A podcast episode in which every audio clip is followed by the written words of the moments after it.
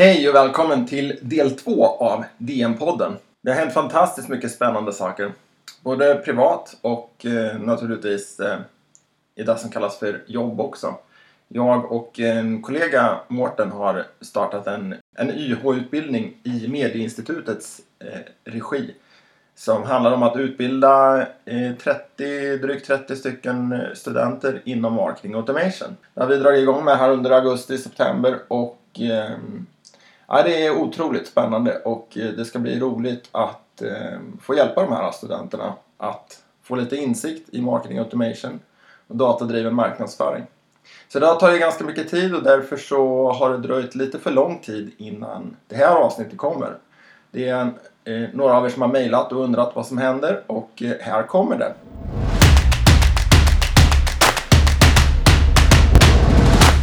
Ja, då kör vi igång då. Och eh, det här är ju del två av DM-podden.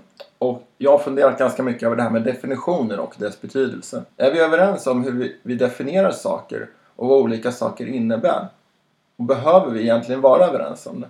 Jag tror att det skulle förenkla tillvaron om vi var överens och vi skulle kunna undvika en del missförstånd. Idag säger en del CRM-system och de menar telefonkatalog.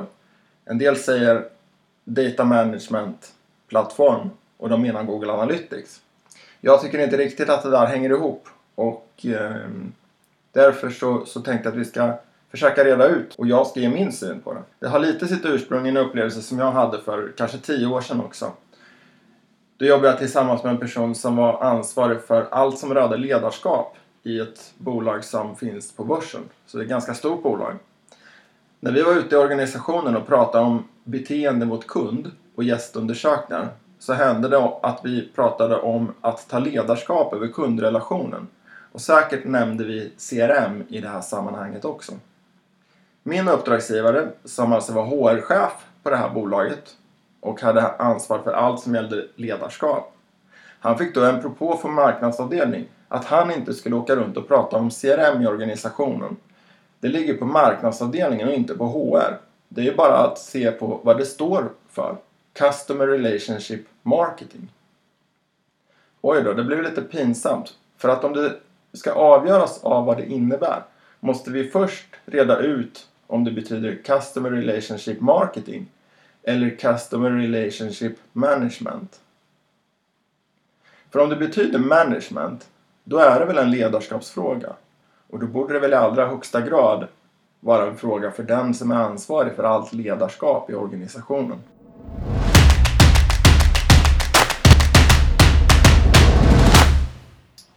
Jag kan också känna att nu när det har blivit så populärt att prata om datadriven marknadsföring så har ganska många webbyråer som jobbar med Google Analytics de har också börjat på att prata om datadriven marknadsföring. Och då handlar det utifrån att fatta beslut på Google Analytics-data. Det handlar alltså inte om att tillföra något annat utan de säger att de jobbar med datadriven marknadsföring och att det är Google Analytics som är grunden för det. Jag vill inte säga att jag alltid har rätt eller att det är fel så som de definierar det. Jag tycker bara att det är viktigt att, att vi också vet vad vi laddar begreppen med.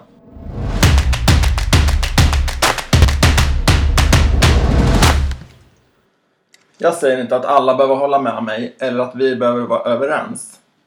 Det jag tror är viktigast i de diskussioner man har och med de grupper man arbetar så bör man enas om vad olika saker står för. Annars blir det lätt missförstånd. Det kan vara så att man går miste om riktigt bra möjligheter om man inte har enats om vad som är vad. Och man kanske tror att man jobbar med maximalt med datadriven marknadsföring bara för att någon webbyrå har sagt att de gör det baserat på Google Analytics. Då kanske man tänker att den punkten är avbockad och maximalt utnyttjad. Därför anser jag att man kanske behöver diskutera vad man fyller olika begrepp med.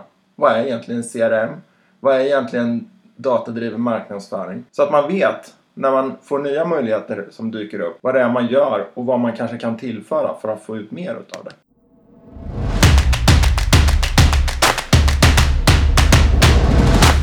Vad är det egentligen som bestämmer en definition då? Definitioner behövs som en överenskommelse av vad vi menar. Vad är till exempel ett hus? Det kan givetvis vara många olika saker. Det kan vara ett hyreshus eller en villa. Det kan vara ett litet hus på landet. Ett hus är något med väggar och tak, sen kan det vara väldigt många olika saker inom det. Men någonstans i en mogen marknad så har definitionen börjat sätta sig. Det har givetvis lite att göra med hur starka aktörer det finns inom ett område. Om det finns några branschorganisationer. Vi vet väl ganska väl vad en webbplats är. Vi vet hyggligt väl vad SEO är. Detta för att det berör väldigt många. Gå in på vår hemsida eller vår webbplats. Det hänvisar man kunder till och då vet man att det är domänen. SEO har definierats ganska tydligt eftersom det finns en riktigt stark aktör inom det området som sätter spelreglerna. Småhus vet man ganska väl vad det är för att det har funnits länge och för att det finns en branschorganisation. Så det är nya marknader, nya tillämpningar, där är definitioner rätt flyktiga. Och jag tror att vi behöver hjälpas åt att lyfta vad är det egentligen som vi menar när vi säger CRM eller när vi säger en DMP.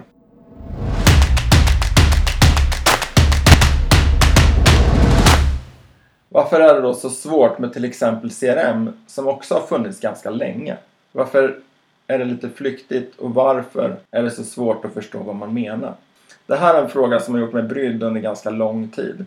Desto mer jag forskar i det här, desto mer jag pratar med folk, desto mer förvirrad känns det som man blir. CRM står ju för Customer Relationship Management.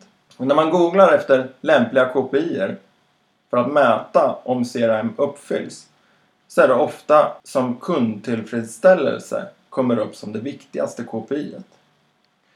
Hur kan man då få kalla en databas med kundens namn, telefonnummer, noteringar, mejlhistorik och så vidare för CRM-system? Om det är så att kundnöjdhet är det viktigaste KPI-et?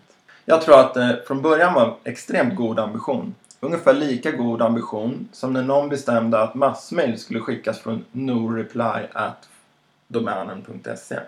Men någonstans på vägen har det blivit fel. Men man tillåts fortfarande att säga CRM-system om telefonkatalogen. Tanken från början måste ha varit något i stil med att jag tror på en strategi om att bemöta kunderna på ett bra sätt utifrån vad de förväntar sig.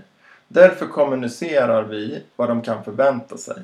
Vi har en vision, vi bryter ner den i olika delar i organisationen och i kundens upplevelse för att se vad vi kan göra bättre för att svara upp mot visionen. Och för att kunden ska känna den visionen hela vägen och i alla kontaktpunkter. Men vänta här nu. Då tänkte man säkert så här. Vänta, vi borde ju veta vem vi ringer till. Eller vem som ringer till oss. Om de har köpt av oss tidigare och om det är en ny kund så att vi kan bemöta dem utifrån det. Då måste vi skriva upp namn och telefonnummer i en databas någonstans så vi kan göra noteringar om det. Och sen när kunden ringer in eller när vi ska ringa ut eller kanske när vi ska skicka reklam så ska vi kunna göra det utifrån information som vi har om dem. Så att de känner att de får ett bra bemötande. Och att vi har ledarskap över kundrelationen och att vi hjälper dem fram i deras beslutsprocess. Det måste ha varit så det gick till när telefonkatalogen blev ett CRM-system. Och i samband med det har en hel bransch glömt bort vad CRM egentligen står för. Dessutom så tror jag också att det är så här att det finns större ekonomiska incitament i att leverera CRM-system än att jobba med ledarskapsutveckling eller beteende och pedagogik utifrån det här. Det finns större ekonomiska krafter hos de som levererar CRM-system och då har de lagt beslag på det här begreppet. Så tror jag att det gick till när telefonkatalogen blev ett CRM-system.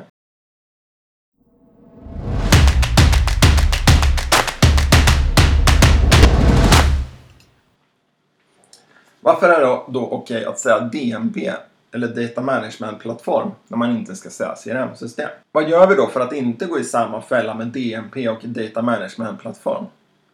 Det blandar ju också management, det vill säga ledarskap, och plattform som antyder att det är en teknisk lösning. För det första så antyder man inte i DMP att det handlar om kunder eller människor. Utan det handlar om att ta ledarskap över och strukturera och använda datorn som resurs och göra något med den. Det finns alltså något steg kvar till kunden eller människan som ska fatta beslutet om att göra något. Och på DMP'n kan det alltså ligga en CRM-strategi eller en CRM-process för att exponera budskap för människor. eller välja att inte exponera andra budskap för människor. Vad ska vi då ladda data management-plattformen med så att vi vet vad vi pratar om? Jag måste sannolikt inse att jag inte kan bestämma vad det står för. Men jag vill vara rätt tydlig med vad jag menar så att, ni, så att man inte tror att Google Analytics är en DMP för mig. Jag tror också att det är viktigt i de arbetsgrupper som man lever att man enas om en definition. Sen när det kommer in någon annan så att när det kommer in någon ny i den arbetsgruppen eller kommer någon propå från någon eh, leverantör eller liknande så är det viktigt att man först reder ut vad är en DMP för dig? Okej, okay, för mig eller för oss i vår arbetsgrupp så är en DMP det här. Bara så att vi vet vad vi pratar om och vilket gränssnitt vi har att röra oss kring. Jag har missat det själv ett par gånger, kanske fler än ett par gånger. Jag har trott att marknadschefer eller människor som jag pratat med har haft samma definition av DMP som jag har. Det innebar vid ett tillfälle att vi satt i ett möte i ungefär 60 minuter med en kund som sa att de hade upphandlat en DMP. Det hade de säkert gjort enligt deras definition också. Men enligt min definition så hade de inte upphandlat en DMP utan något annat. Och därför, efter 60 minuter, så var jag tvungen att fråga. Men vänta lite nu, bara så jag förstår. Vad är en DMP för dig? Det visade sig att den jag hade fört diskussionen med ansåg att koppla samman affärssystemet och CRM-systemet var det man gjorde med en DMP. Och jag tyckte att de skulle använda online-datan också. Vilket de behövde en DMP för. Från att ha varit ett extremt stelt möte där vi var på väg att avbryta mötet för att vi inte hittade några kopplingar. De tyckte att de redan hade allting. Så fick mötet en extrem nytändning. Och min potentiella kund och jag hade helt plötsligt enats om definitionen. Därför så tror jag att det är extremt viktigt att man laddar begreppen med samma saker.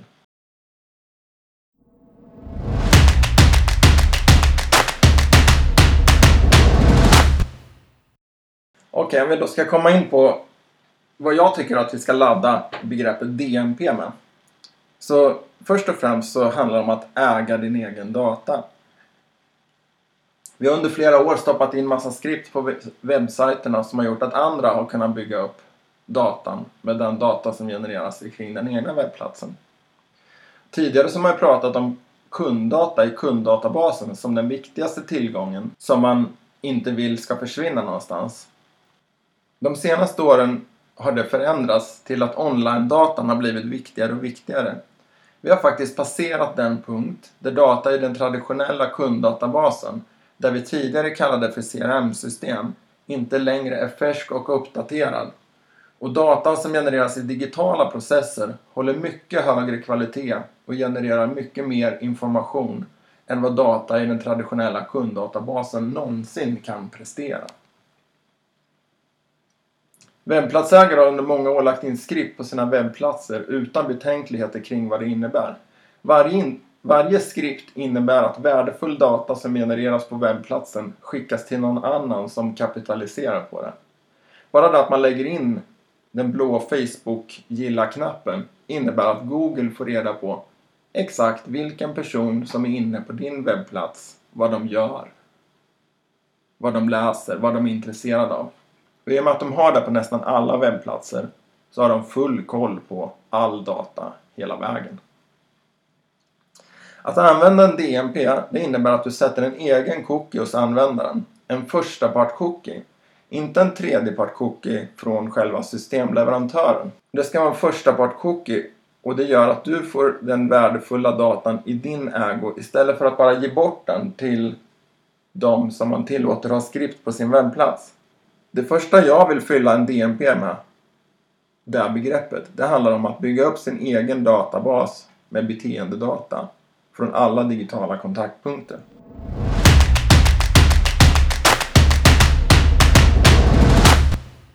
Nästa del som jag vill fylla begreppet DNP med, det är att kunna strukturera och ta action på den data som genereras. Med hjälp av en DNP kan man connecta olika datakällor. Man kan connecta online-datan till kunddatabasen, affärssystemet eller Google Analytics. Det innebär att man kan koppla samman all data i molnet och göra analyser mellan de olika datakällorna och därmed bryta stuprören som ofta finns. Utifrån det så kan man sedan också lägga på aktiviteter. Om en person har varit inne i en bilhall och provkört en bil och till exempel inte bytt bil när de borde ha gjort det så kan det personaliseras information på sajten, Mejlutskick, displayannonser och andra budskap kan aktiveras per automatik. Men DNP kan då också hämta in data från tredjepartsleverantörer och se om en person som har varit inne och provkört en bil kanske har bytt bil och gjort det hos någon konkurrent. Då kan du få in den datan och se att du har förlorat den affären och stänga av marknadsaktiviteterna tills det är dags för den personen att byta bil igen. Men DNP kan man också kvalificera användare för att se hur sannolikt det är att de kommer att utföra önskad handling. DNP kan lära sig vilka som sannolikt inte kommer att konvertera och därmed kan resurser i form av marknadsföringsbudget styras bort från de användarna och istället läggas där det kommer att ge bäst resultat.